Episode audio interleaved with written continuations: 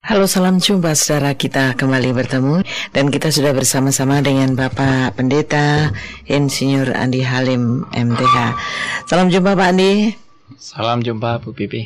Iya kita uh, Pak Andi hari ini kita akan uh, melanjutkan ke pemah uh, pemahaman berikutnya ya. Iya. Kita sampai ya saya akan ulang sedikit review sedikit apa yang kita sudah pelajari yaitu uh, tentang kesatuan yang kukuh ini dari buku kesatuan yang kukuh kita sudah mempelajari mengenai uh, tema besar yaitu kesatuan melalui pengertian akan maksud Allah dengan perkawinan. Kita sudah sampai pada poin B yang lalu 1B yaitu meninggalkan orang tua Anda berarti bahwa hubungan dengan orang tua Anda harus dirubah sama sekali. Dan saya akan sedikit mengulas mereview untuk poin yang B, 1B nomor 6 ya, butir 6. Artinya Anda membuat hubungan suami istri itu jadi hubungan antar manusia yang terutama bagi Anda. Ya. Nah, itu sering kali memang uh, hubungan memang karena keberdosaan ya. Jadi ini sesuatu yang bukan aneh sebetulnya.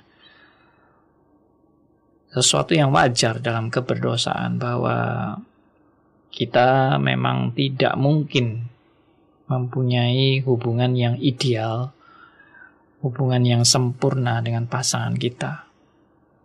Sehingga pasti dalam pasangan itu ada masalah, ada problem, ada ya macam-macam uh, kesulitan ya dan kepahitan dan ya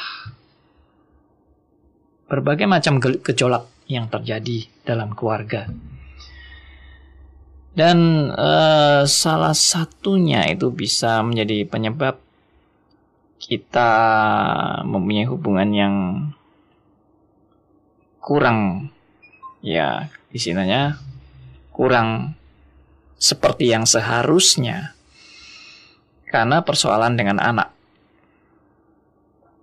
Memang e, persoalan itu banyak ya, tapi ini yang kita mau soroti adalah persoalan anak, yaitu ada yang karena begitu mengasihi anak sehingga hubungan suami istri justru nggak seperti sebelumnya. Sebelum seperti anak itu lahir. Tapi begitu anak itu lahir kasih orang tua itu atau kasih suami istri itu dicurahkan untuk anak jadi semua punya perhatian bagi anak. Ya, apalagi anak pertama misalnya begitu ya.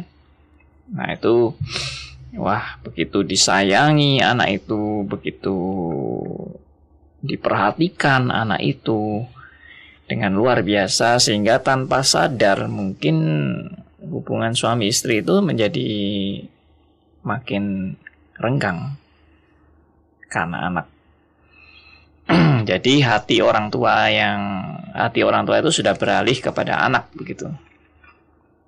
Dan itu sebetulnya juga secara natural itu wajar. Tapi secara idealnya itu udah mulai bergeser gitu ya. Karena apa? Karena hubungan yang terutama lah itu yang yang kemarin kita bahas itu hubungan terutama bukan dengan orang tua. Kalau jadi kalau anak sudah menikah, hubungan terutama bukan orang tua, tapi hubungan utama adalah suami istri itu sendiri. Nah, demikian juga dengan anak. Maka seharusnya hubungan terutama tetap adalah suami istri. Bukan anak hubungan terutama itu.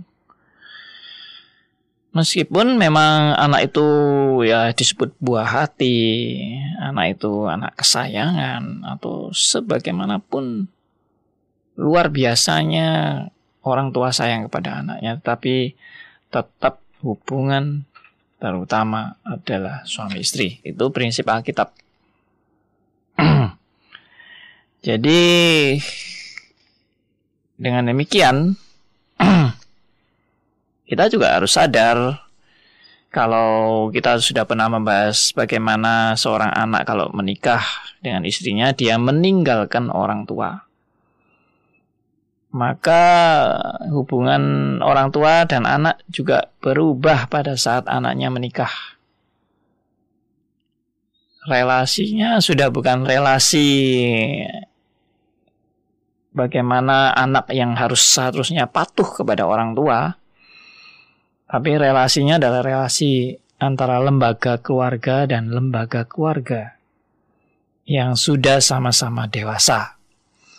Meskipun hubungan orang tua dan anak tetap sebagai hubungan orang tua dan anak, tetapi orang tua tidak lagi bisa menguasai keluarga anaknya sewenang-wenang atau atau begitu dominan atau begitu apa ya intervensi dalam urusan-urusan anak, keluarga anak.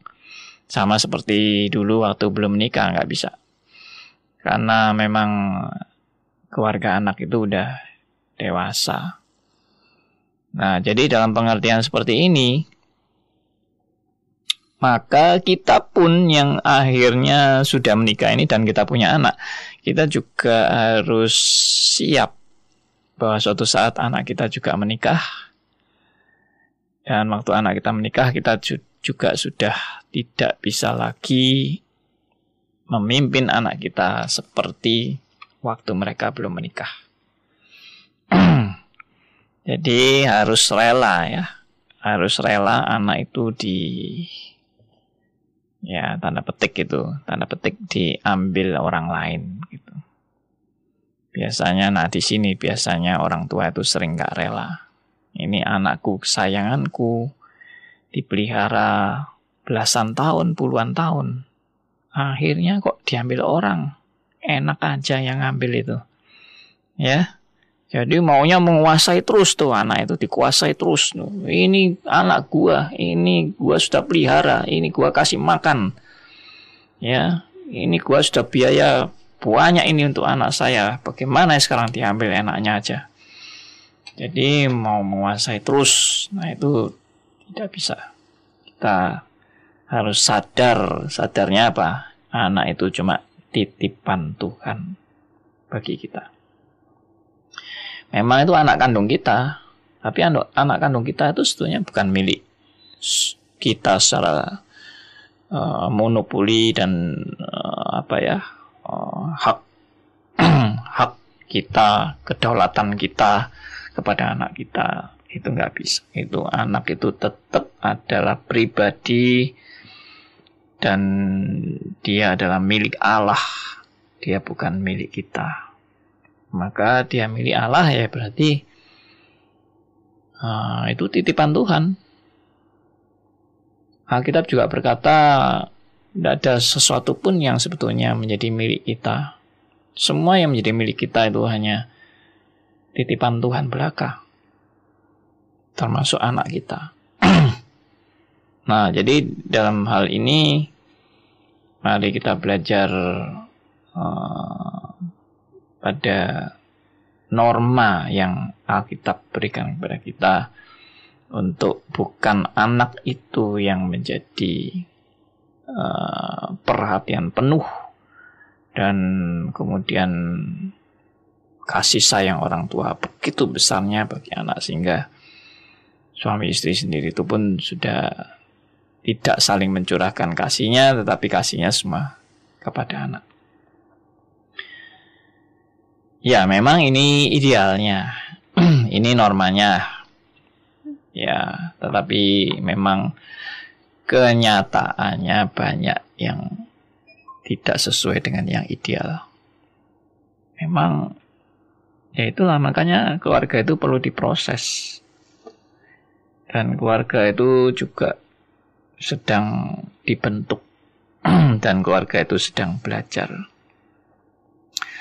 Jadi dengan hal seperti ini maka kita belajar untuk siap kalau anak kita nanti menikah kita juga jangan coba-coba mengatur kehidupan pernikahan mereka. Itu nanti mengulang kesalahan yang sama. Nanti orang tua kita sudah ngatur keluarga kita, Wah, kita juga harus ngatur anak kita ya kayak balas dendam gitu kan. Dulu saya diatur, sekarang saya pun ngatur. Ya itu nggak benar menurut Alkitab ya. Udah mereka begitu dewasa sudah menikah, ya udah mereka menjadi keluarga dewasa. Bukan berarti sekali lagi kita nggak boleh memberi nasihat, memberi masukan kepada anak kita ya bimbingan untuk bagaimana menghadapi suami atau menghadapi istri tidak apa-apa itu boleh nasihat-nasihat tetapi semua adalah sudah di dalam wewenang keluarga itu sendiri bagaimana menjalankan bagaimana bijaksananya mereka dan sebagainya dan sebagainya. Ya sekarang kita sampai kepada butir 2 Romawi halaman 11 dalam terjemahan bahasa Indonesia Kesatuan yang Kukuh dengan judul Rencana Allah untuk perkawinan menghendaki agar para suami dan istri menjadi satu. Butir A dalam zaman kita banyak pasangan-pasangan muda menikah seolah-olah dengan pikiran bahwa jika perkawinan mereka tidak berhasil, mereka akan selalu dapat bercerai. Nah, ini ini pasangan zaman sekarang. Jadi menikah hanya kayak kontrak ikatan kontrak. Dengan catatan kita begini begini begini begini. Kalau nanti akhirnya tidak begini, ya udah kita pisah saja. Kita memang nggak cocok, tidak perlu dipertahankan lagi. Nah, jadi itu kawin kontrak. Ya, apakah memang seperti itu? Ya, memang banyak yang seperti itu. Butir 2A1 Waktu mereka menikah, mereka bersumpah akan setia sampai mati. Ya, tetapi nah ada tetapinya. Dengan bergumam ya, bergumam itu bahasa Jawanya gremeng. Gremeng. bergumam mereka menambahkan kecuali jika persoalan-persoalan kita terlalu besar. Ya, jadi mau setia sampai mati. Tapi kecuali kalau persoalan kita terlalu besar, kalau terlalu besar ya sudah cerai. Yang kedua, memang ada yang menyarankan bahwa kita harus memperbarui izin nikah kita setiap tahun. Nah ini, jadi kayak kontrak tadi, setelah setahun diperbarui kontraknya, perpanjangan. Kalau nggak cocok ya perpanjangannya berhenti gitu ya. Sama seperti surat SIM kendaraan yang kita perbarui setiap tahun. Ada lagi yang menyarankan buat apa memperoleh surat nikah atau menjalani upacara pernikahan. Nah ini zaman modern ini terutama di Eropa ya sudah tidak rasanya nggak perlu lah menikah dengan pakai surat surat nikah lalu apalagi harus ke gereja dan sebagainya. Udah nikah gitu aja. Ya istilahnya summon leven kalau pakai surat tuh nanti rumit itu sulit itu nanti mau cerai buat surat lagi, permohonan lagi, catatan sipil lagi, mungkin ah, aturan ini dan itu ah terlalu ruwet. Jadi kita nikahnya enak. ya coba-coba aja lah gitu. Yuk kita hidup bersama. Kalau cocok ya hidup terus, tidak cocok ya ganti pasangan. Nah ini sudah sering terjadi. Yang ketiga,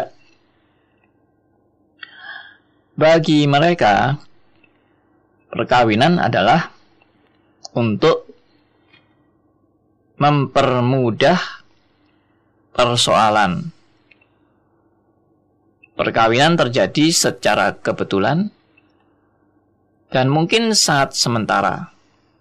Semuanya tergantung daripada perkembangan. Ya, jadi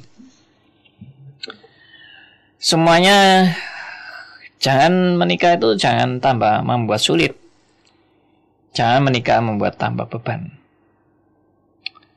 Happy-happy aja lah. Mari kita menikah dengan enjoy, enjoy saja. Waduh, kalau menikah berat misalnya. Wah nggak cocok tapi dipaksakan terus hidup bersama. Kan menderita itu. Buat apa menderita kayak gitu? Nggak ada gunanya. Kita kalau sedang tidak cocok bisa saja. Kita kalau memang sudah bukan pasangan yang ideal ya cari pasangan lain dong yang lebih ideal. Ah jadi itu jadi kita tidak tertekan ya toh menikah itu kalau dipaksa-paksa terus kan setia-setia terus padahal sudah memang bukan pasangannya buat apa setia-setia terus? Nggak ada gunanya itu. Lebih baik cerai saja. Itu paling enak. Nggak ada beban lagi.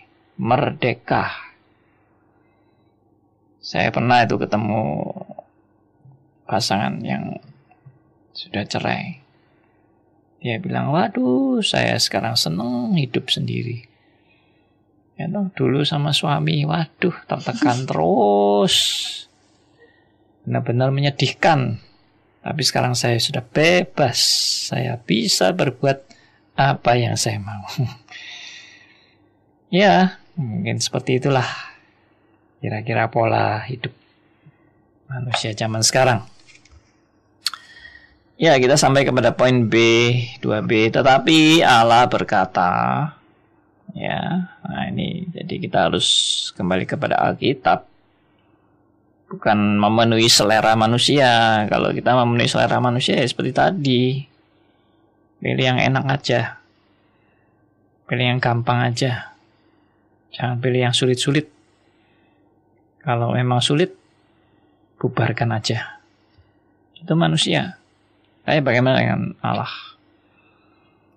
Nah di sini kita lihat di sini ditulis di buku ini. Tidak aku tidak merencanakannya demikian. Aku merencanakan perkawinan untuk menjadi hubungan yang kekal.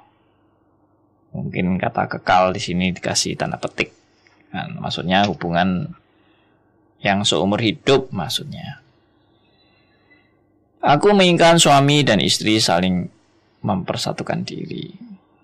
Nah, mari kita coba baca dari Markus 10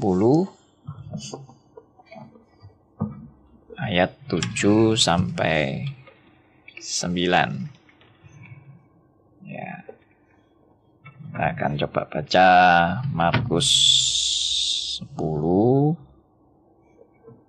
ayat 7 sampai 9.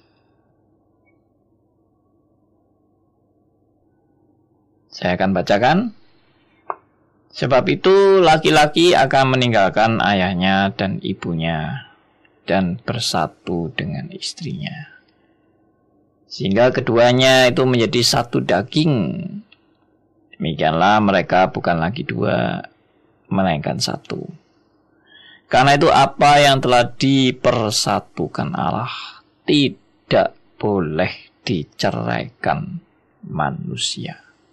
Ini tegas sekali Alkitab berkata, karena itu apa yang telah dipersatukan Allah tidak boleh diceraikan manusia. Dalam hal ini, ya manusia mau minta gampangnya aja. Kalau menyenangkan, oke okay, jalan terus. Tidak menyenangkan, buyar saja. Itu kan gampangnya. Tapi pernikahan tuh bukan main-main seperti itu. Pernikahan tuh ada konsekuensi dan tuntutan. Dari butir 2B1 jadi perkawinan bukanlah terjadi secara kebetulan, tetapi suatu pilihan yang disengaja. Saya mungkin menambahkan bukan hanya kebetulan, tetapi sudah di dalam penetapan Allah. Ya. Yang kedua, perkawinan bukan hanya untuk mempermudah persoalan. Tetapi perkawinan adalah soal ketaatan. Ketaatan. Jadi memang kalau mau pilih mudahnya ya ya mudah, semua mudah. Yang ketiga, perkawinan bukanlah suatu hal yang tergantung dari perkembangan selanjutnya. Tetapi apakah Anda mau serta berketetapan untuk membuatnya sukses? Ya, artinya dalam ketaatan itu ya. Jadi marilah kita sama-sama mengumulkan bagaimana pernikahan yang sesuai dengan kehendak Allah. Kita sadar memang tidak ada pernikahan yang ideal. Kita sadar pernikahan kita tidak sempurna. Tapi kita juga jangan hanya mau menuruti hawa nafsu dan kesenangan subjektif diri kita di dalam pernikahan atau keegoisan kita. Sehingga kalau kita memang mau menjalankan pernikahan seperti itu, saya yakin kita tidak pernah bisa punya pasangan yang benar-benar uh, apa ya, betul-betul kita bisa uh, menjalani dengan kesungguhan dan ketaatan. Ya, itu aja. Ya, saudara, kita sudah membahas Bina Keluarga Kristen unit 1 bab 2 A dan B sekaligus ya. Kalau kita mereview uh, 1B ini selalu menarik Pak Andi ya. Hmm. Perasaan tidak terima bahwa hubungan ayah dan anak itu harus berakhir menjadi hubungan antar lembaga. Uh -uh. Sudah kadung habis banyak. Apalagi seorang ibu yang punya anak laki gitu ya biasanya uh. berat melepaskan sehingga menantu perempuan biasanya punya trouble dengan mertua eh, dengan menantu perem, antar menantu perempuan dan mertua perempuan. Iya, eh, kalau mertua laki-laki lebih realis begitu ya kadang-kadang hmm. itu meskipun sayang anak perempuannya begitu. Hmm. Hmm. Memang uh, merubah hal itu kan bukan hal mudah ya. Hmm. Tapi membuat uh, hubungan itu menjadi hubungan antar lembaga kadang-kadang memang sulit. Apalagi kalau melihat anaknya hidup menderita begitu ya. Oke, okay, hmm. tadi ada yang Pak Andi katakan hati orang tua biasanya beralih ke anak kalau uh, sudah punya anak begitu ya. Biasanya ini memang begitu Pak Andi ya. Hmm. Sehingga ada uh, para suami yang cemburu pada anaknya sendiri. Hmm. Cemburu dalam arti perhatianmu kok terbagi amat sangat begitu ya. Hmm. Sehingga uh, si istri kurang merawat diri Eh, kurang merawat rumah dan hanya perhatian pada anak sehingga hubungan pun terganggu hmm. seperti itu. Tetapi membuat paham bahwa perhatianmu jangan terlalu terbagi pada anak itu sulit kan Pak Andi ya? Hmm. Bukankah ya. anak harus dicintai? Ya itu, memang manusia itu tidak ada yang ideal. Makanya tadi saya bilang tidak ada pernikahan yang ideal. Tidak ada pernikahan yang sempurna. Tidak ada pernikahan yang betul-betul memenuhi norma Alkitab secara tepat 100%. Semua kita ini sudah bercacat, semua kita ini sudah berdosa, semua kita ini terbatas, semua kita ini tidak ada yang sempurna satupun.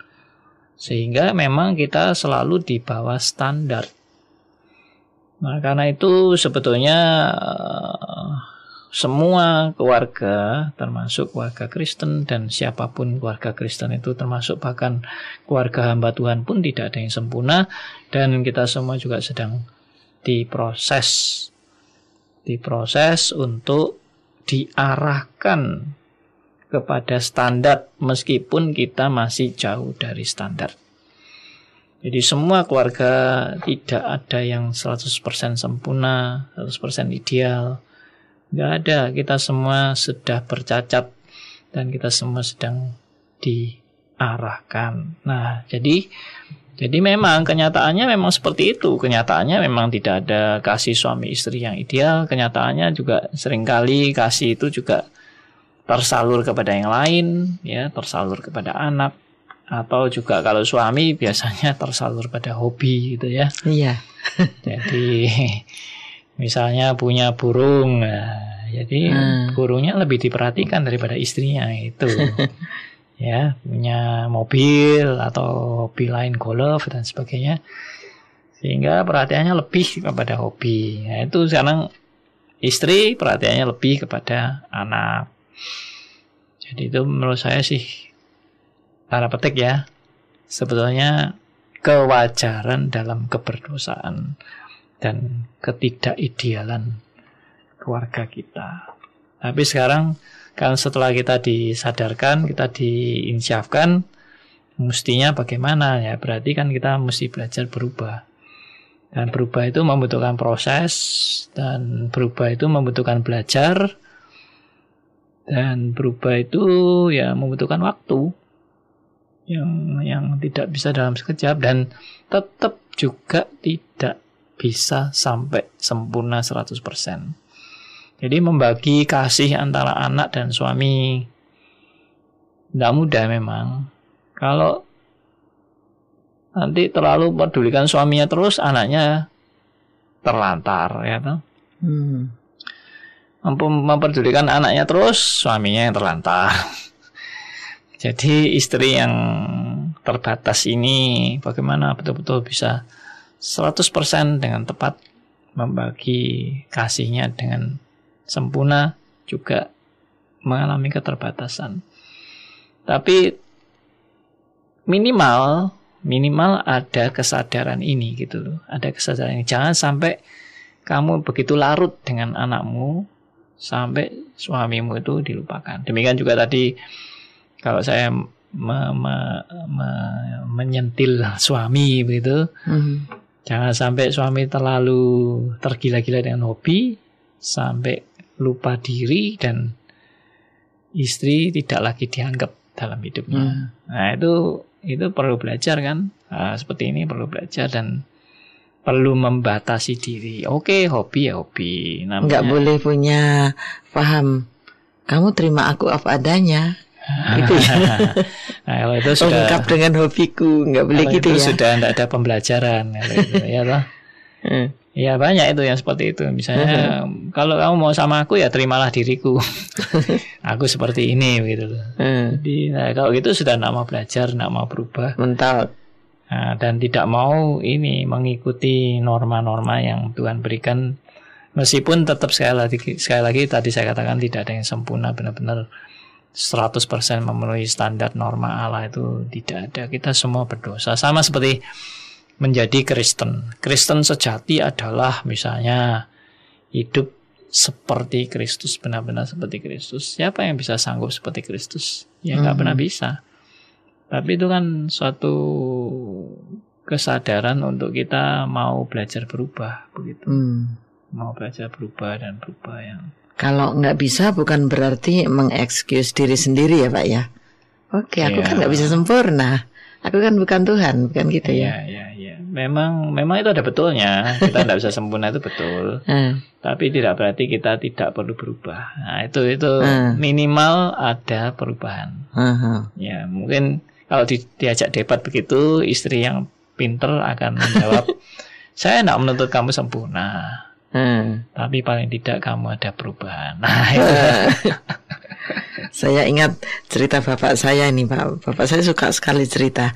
Waktu menikah, eh habis menikah, dia menangis di belakang rumah. Katanya harus meninggalkan teman-temannya. Wah. Eh, beliau suka sekali eh, keliling gitu loh, Hmm. aventurir keliling ke mana-mana.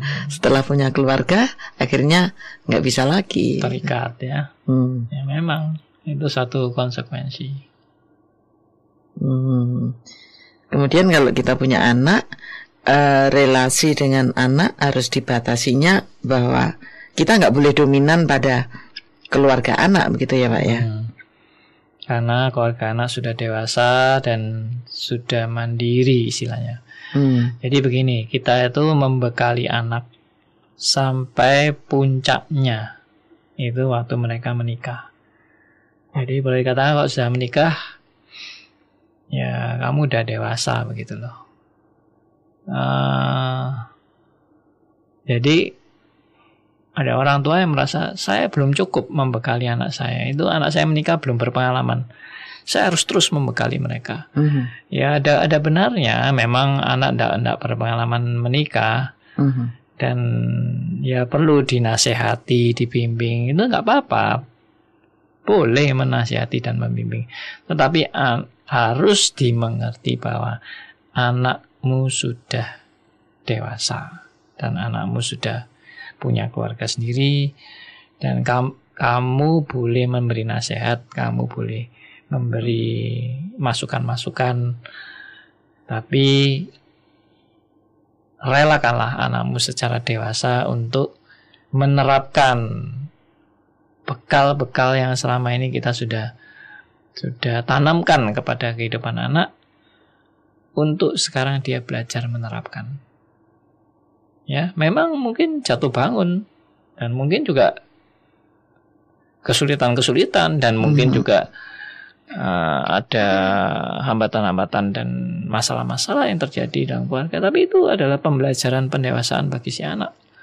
Kalau kita terus membimbing terus, menuntun terus, kasih ini ya oh, aturan-aturan kamu harus begini, harus begitu, wah diatur semua sampai detail-detail mengenai keluarga itu anak kita malah tambah nggak pernah bisa dewasa dan tambah menjadi anak-anak terus. Kalau intervensi itu sebuah pertolongan gitu bagaimana pak? Tetap nggak boleh? Eh, pertolongan dalam batas batas apakah memang mutlak harus ditolong atau Hmm. masih bisa berjalan sendiri. Kalau memang bisa Hmm. berjalan sendiri, ya silakan. Artinya namanya orang belajar ya pernah jatuh. Mhm. Kalau jatuh ya belajar bangun dong. Sama seperti anak baru belajar berjalan ya pernah jatuh. Pertama-tama mungkin ditolong, Mhm. tapi lama-lama mungkin ayo bangun sendiri. Hmm. Karena udah sanggup bisa bangun sendiri. Jadi Ini- jangan ditolong terus gitu. Eh, ini pernah saya alami pak. Anak pertama meninggal, kemudian Hmm. anak kedua nanti aku yang ngerawat. Gitu itu. Hmm. Berarti itu eh, termasuk salah ya pak ya. Kalau kita dianggap gagal merawat anak, kemudian anak yang kedua harus yang lebih tua yang ngerawat karena kita dianggap belum mampu gitu. Hmm. Ya. Itu pertolongan yang terlalu intervensi ya, atau? menurut, menurut saya sih ya kan ya yang berhak merawat siapa begitu. Dan Hmm. dan tidak bisa lalu kalau orang gagal lalu berarti gagal terus gitu. Kan banyak orang juga justru dari kegagalan dia belajar sesuatu Hmm. untuk lebih meningkat. Jadi tidak bisa diklaim orang yang gagal gagal terus gitu. Mhm. Ya enggak lah. Kita sek- eh, ke ini zaman kita eh, dua ayah zaman kita pasangan muda mudah menikah dan seolah jika perkawinan tidak berhasil akan selalu dapat bercerai seperti trial and error gitu ya pak ya Hmm. ya itu kawin kontrak itu. Sekarang kalau oke jalan terus kalau nggak oke ya Iya. selesai gitu ya. jadi tidak ada beban. Dianggap buat apa sih susah-susah gitu. Nah itu itu itu hal yang istilahnya zaman pragmatis lah itu Mhm. istilah-istilah etikanya itu pragmatis. Pragmatis itu kan praktisnya saja, tidak usah rumit-rumit, gampangnya saja, tidak usah sulit-sulit. Jadi kalau pernikahanmu memang bikin problem, waduh ternyata kok pasanganku begini ya. Wah orangnya ternyata pelit. Saya nggak bisa hidup sama orang pelit. Sudah kita pisah aja sudah. Daripada seumur hidup saya menderita gara-gara orang pelit seperti ini. sebelum menikah nggak kelihatan gitu iya, sebelum menikah kok royal ya. Setelah traktir menikah sana traktir sini.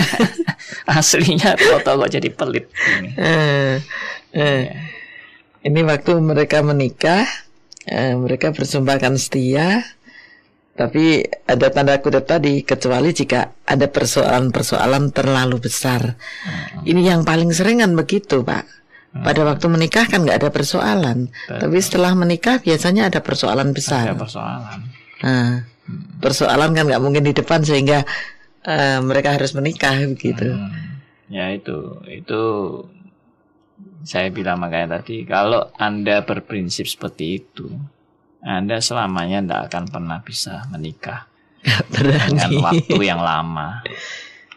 Ya memang paling tahan setahun dua tahun. Mhm. Habis itu bisa lagi menikah lagi setahun dua Mhm. tahun lagi karena apa? Semua ada persoalan.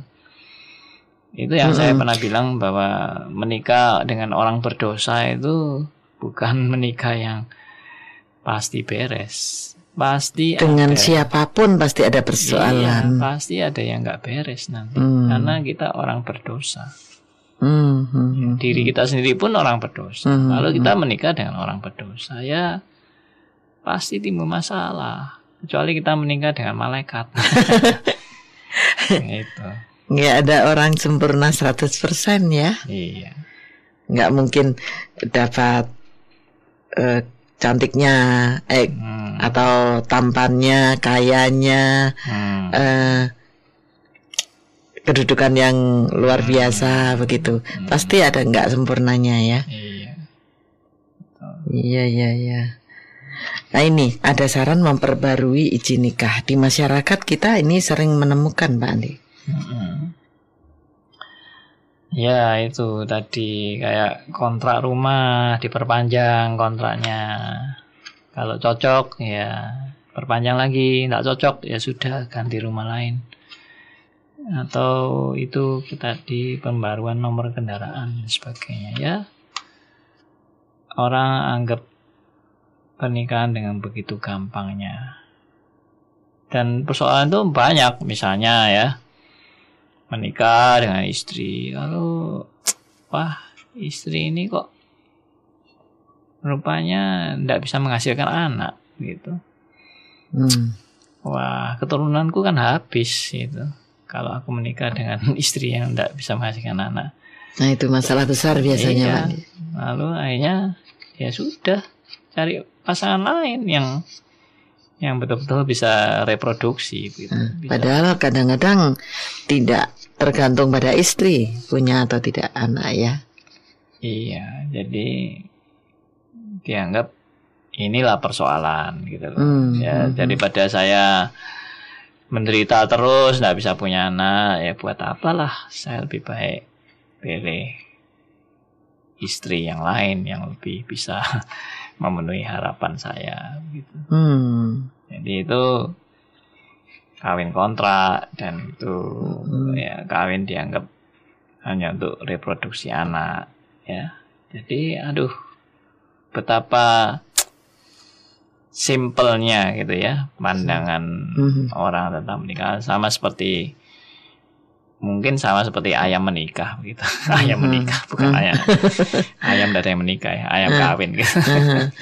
Eh, kalau eh, istilah memperbarui nikah ini di eh, adat kejawen misalnya ada Pak ini.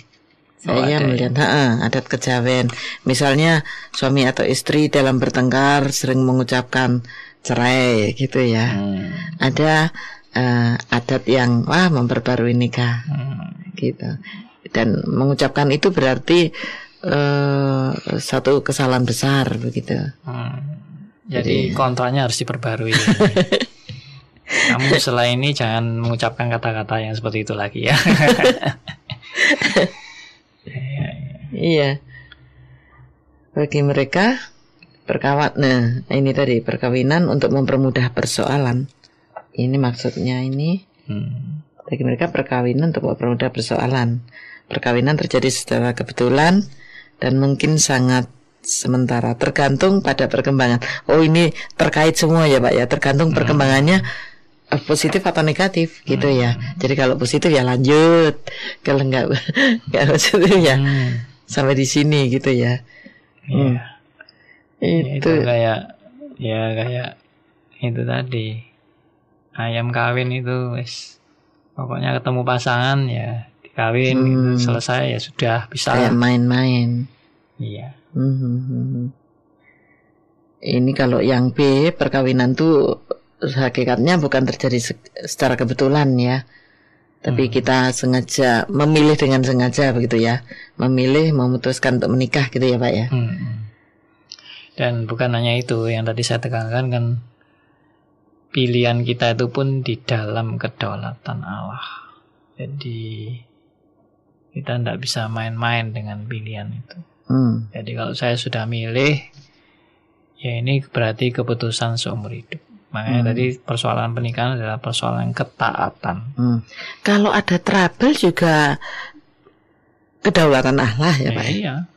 Namanya kedaulatan itu kan tanpa terkecuali. Hmm. Jadi misalkan ya secara manusia pun misalnya salah pilih, Hmm. itu pun juga tetap dalam kedaulatan. Dalam Hmm. pengertian Tuhan tetap mau mendidik kita di dalam Hmm. tanda petik kita sa- salah pilih. Hmm. Tetap itu adalah suatu yang di dalam penetapan Allah dan Tuhan punya maksud di dalam uh, pernikahan kita untuk kita belajar Hmm. hikmah ya, mengambil hikmah dan sebagainya Hmm. dalam Hmm. pernikahan. Sebenarnya makanya tadi saya, saya juga bilang tadi, tidak ada sih pernikahan yang benar-benar 100% cocok itu, tidak ada. Dapat semuanya serba baik Iya, gitu. Jadi kalau orang bilang saya mau cari yang cocok, itu tidak pernah ada cari yang cocok itu, karena lahirnya Idealis. berbeda, ya kan lahirnya berbeda, lingkungannya berbeda, Hmm. karakternya berbeda, budayanya berbeda, semuanya berbeda. Lalu mau cari yang cocok, cocok itu apa? Cocok itu kalau setuju dengan keinginan kita lah itu kan cocok. Hmm, hmm. Tapi manusia yang selalu setuju dengan keinginan kita itu kan robot namanya, ya kan? Iya, Namanya manusia dan manusia pasti ada nanti keinginan yang berbeda. namanya juga memadukan dua individu yang berbeda. Nah, jadi perbedaan itu pasti ada dan dan dan memang bisa nggak cocok akhirnya dan dan dalam ketidakcocokan itu bagaimana kita tetap memelihara hubungan suami istri itu dengan belajar misalnya saling mengerti, memahami. Nah, itu jadi tidak ada cocok itu. Yang ada adalah belajar mencocokkan diri. Nah, itu Hmm. itu itu itu yang harus kita lakukan Hmm. gitu. Belajar taat ya, bukan mempermudah persoalan. Ah, kalau punya suami atau istri enak. Ah, yang dipikir seorang diri jadi dipikir berdua, bukan begitu ya? Hmm. Jadi kita justru makanya saya kan pernah bilang juga orang menikah itu kan orang berdosa dan orang berdosa dan orang berdosa dan orang berdosa yang menikah itu sama-sama orang-orang yang tanda petik sakit gitu. Kita ini Mhm. sama-sama orang sakit. Mhm. Maka sebetulnya orang menikah itu adalah kita masuk dalam proses saling menyembuhkan satu dengan Hmm. lain. Nah itu jadi ya saling membangun itu Alkitab istilahnya sih saling membangun, Mhm. saling menasehati, saling Hmm. mengingatkan dan sebagainya. Nah itu Itu salah satu dari prinsip pernikahan. Hmm. Yang terakhir tadi perkawinan bukan tergantung perkembangan selanjutnya, tapi apakah kita berketetapan untuk membuatnya sukses. Jadi ya tergantung pada ketetapan kita kalau begitu ya Pak. Enggak, sebetulnya penekanan utamanya bukan bergantung pada ketetapan kita. Penekanan utamanya adalah bergantung pada kasih karunia Allah. Mm -hmm. Di mana kasih karunia Allah itu membangun iman kita untuk berketetapan. Hmm. Jadi ketetapan kita pun itu sebetulnya berasal dari anugerah Allah. Hmm. Jadi kita tidak boleh merasa oh ini karena saya hmm. saya sanggup membuat perkawinan nah, sukses nah, gitu ya. Itu, itu lupa bahwa sebetulnya kemampuan kita pun berasal dari anugerah Allah. Hmm. Kalau Allah tidak memberikan anugerahnya ya kita tidak punya kemampuan. Hmm. hmm. Dan dan itu bukan hasil karya kehebatan kita, itu adalah hasil daripada pemeliharaan dan hmm. karya Roh Kudus yang terus-menerus merubah hidup kita. Hmm. Ya, jadi ada memang pernikahan itu sepertinya hasil usaha kita. Ini saya yang membangun, ini saya yang memelihara, ini saya yang komitmen, ini saya yang taat. Hmm. Ini saya yang sungguh-sungguh menjaga pernikahan saya hmm. untuk tidak cerai dan sebagainya. Tapi itu pun tidak jaminan kalau itu adalah hasil usahamu bahwa pernikahanmu betul-betul adalah pernikahan yang ideal seturut dengan kehendak Allah. Karena uh, orang yang tidak bercerai tidak berarti pasti harmonis. Mm-hmm. Jadi ada orang yang cuma bangga, ini loh saya sanggup tidak bercerai ini benar-benar usaha saya dan ini benar-benar uh, apa itu ketaatan saya dan sebagainya. Tapi kalau cuma bangga seperti itu, lalu bangga karena tidak bercerai, bangga karena tidak berpisah, bangga karena tidak pernah bertengkar dan sebagainya. Itu pun juga masih perlu dikasih tanda tanya karena keluarga yang tidak percaya itu tidak berarti itu keluarga sudah 100% benar di hadapan Tuhan. Hmm. Dan keluarga yang tidak bercerai tidak berarti keluarga yang benar-benar harmonis. Karena ada yang orang tidak bercerai tapi karena takut. Hmm. Kenapa istrinya tidak bercerai sama suaminya? Karena saya kalau bercerai nanti saya dibunuh. ya saya takut bercerai nah itu kan tidak bercerai tapi tapi mengerikan gitu maksudnya hmm. kelihatannya wah di mata masyarakat wah bagus ya nggak bercerai waduh hmm. setia apa tapi ternyata ada latar belakang yang mengerikan tadi jadi Uh, itu bukan kebanggaan sebenarnya. Oh, saya tidak bercerai. Hmm. Wah, kebanggaan. Ini hasil usaha saya apa segala macam. Jadi justru kalau saya melihat warga-warga yang tidak bercerai tapi menyadari benar-benar itu adalah anugerah selalu ngomongnya ini semua karena kasih karunia Allah.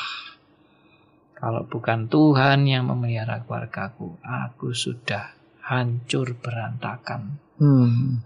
Nah, itu orang yang betul-betul menyadari bahwa kekuatan bukan terletak pada ketetapan kita dan hmm. hasil prestasi kita, tapi kekuatan terletak pada pemeliharaan Tuhan saja. Iya, kita masih punya waktu untuk kesimpulan terakhir, Pak Andi. Hmm. Oke, jadi dari kita belajar ini kita menyadari ya bahwa keluarga itu anugerah Tuhan. Jadi kita menikah bukan kebetulan, kita menikah bukan karena sekedar coba-coba. Kita menikah bukan karena ya ini hanya sekedar enjoy-enjoy, tapi kita menikah ini kita sadar bahwa ini ada di dalam rencana penetapan Allah.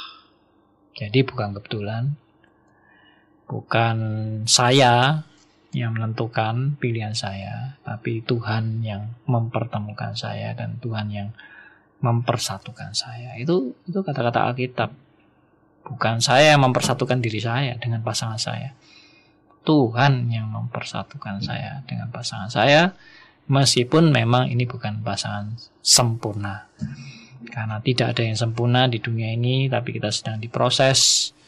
Tapi kita tetap percaya meskipun ini bukan pasangan sempurna, tetap yang Tuhan berikan pada kita itu adalah yang terbaik. Yang terbaik dan mari kita belajar juga untuk taat. Taat kepada norma-norma yang Alkitab sudah katakan. Meskipun kita tetap sekali lagi saya katakan tadi tidak bisa sempurna 100% tapi belajar diperbarui. Belajar terus-menerus diubahkan. Belajar untuk uh, meskipun pernikahan saya pernikahan yang bercacat pernikahan yang uh, tidak sempurna dan tidak ideal tapi ada perubahan demi perubahan Ya, terima kasih Pak Andi. Terima kasih Bu Bibi. Terima kasih saudara yang sudah mendengarkan. Dan Tuhan kiranya memberkati kita atas perbincangan ini. Sampai jumpa.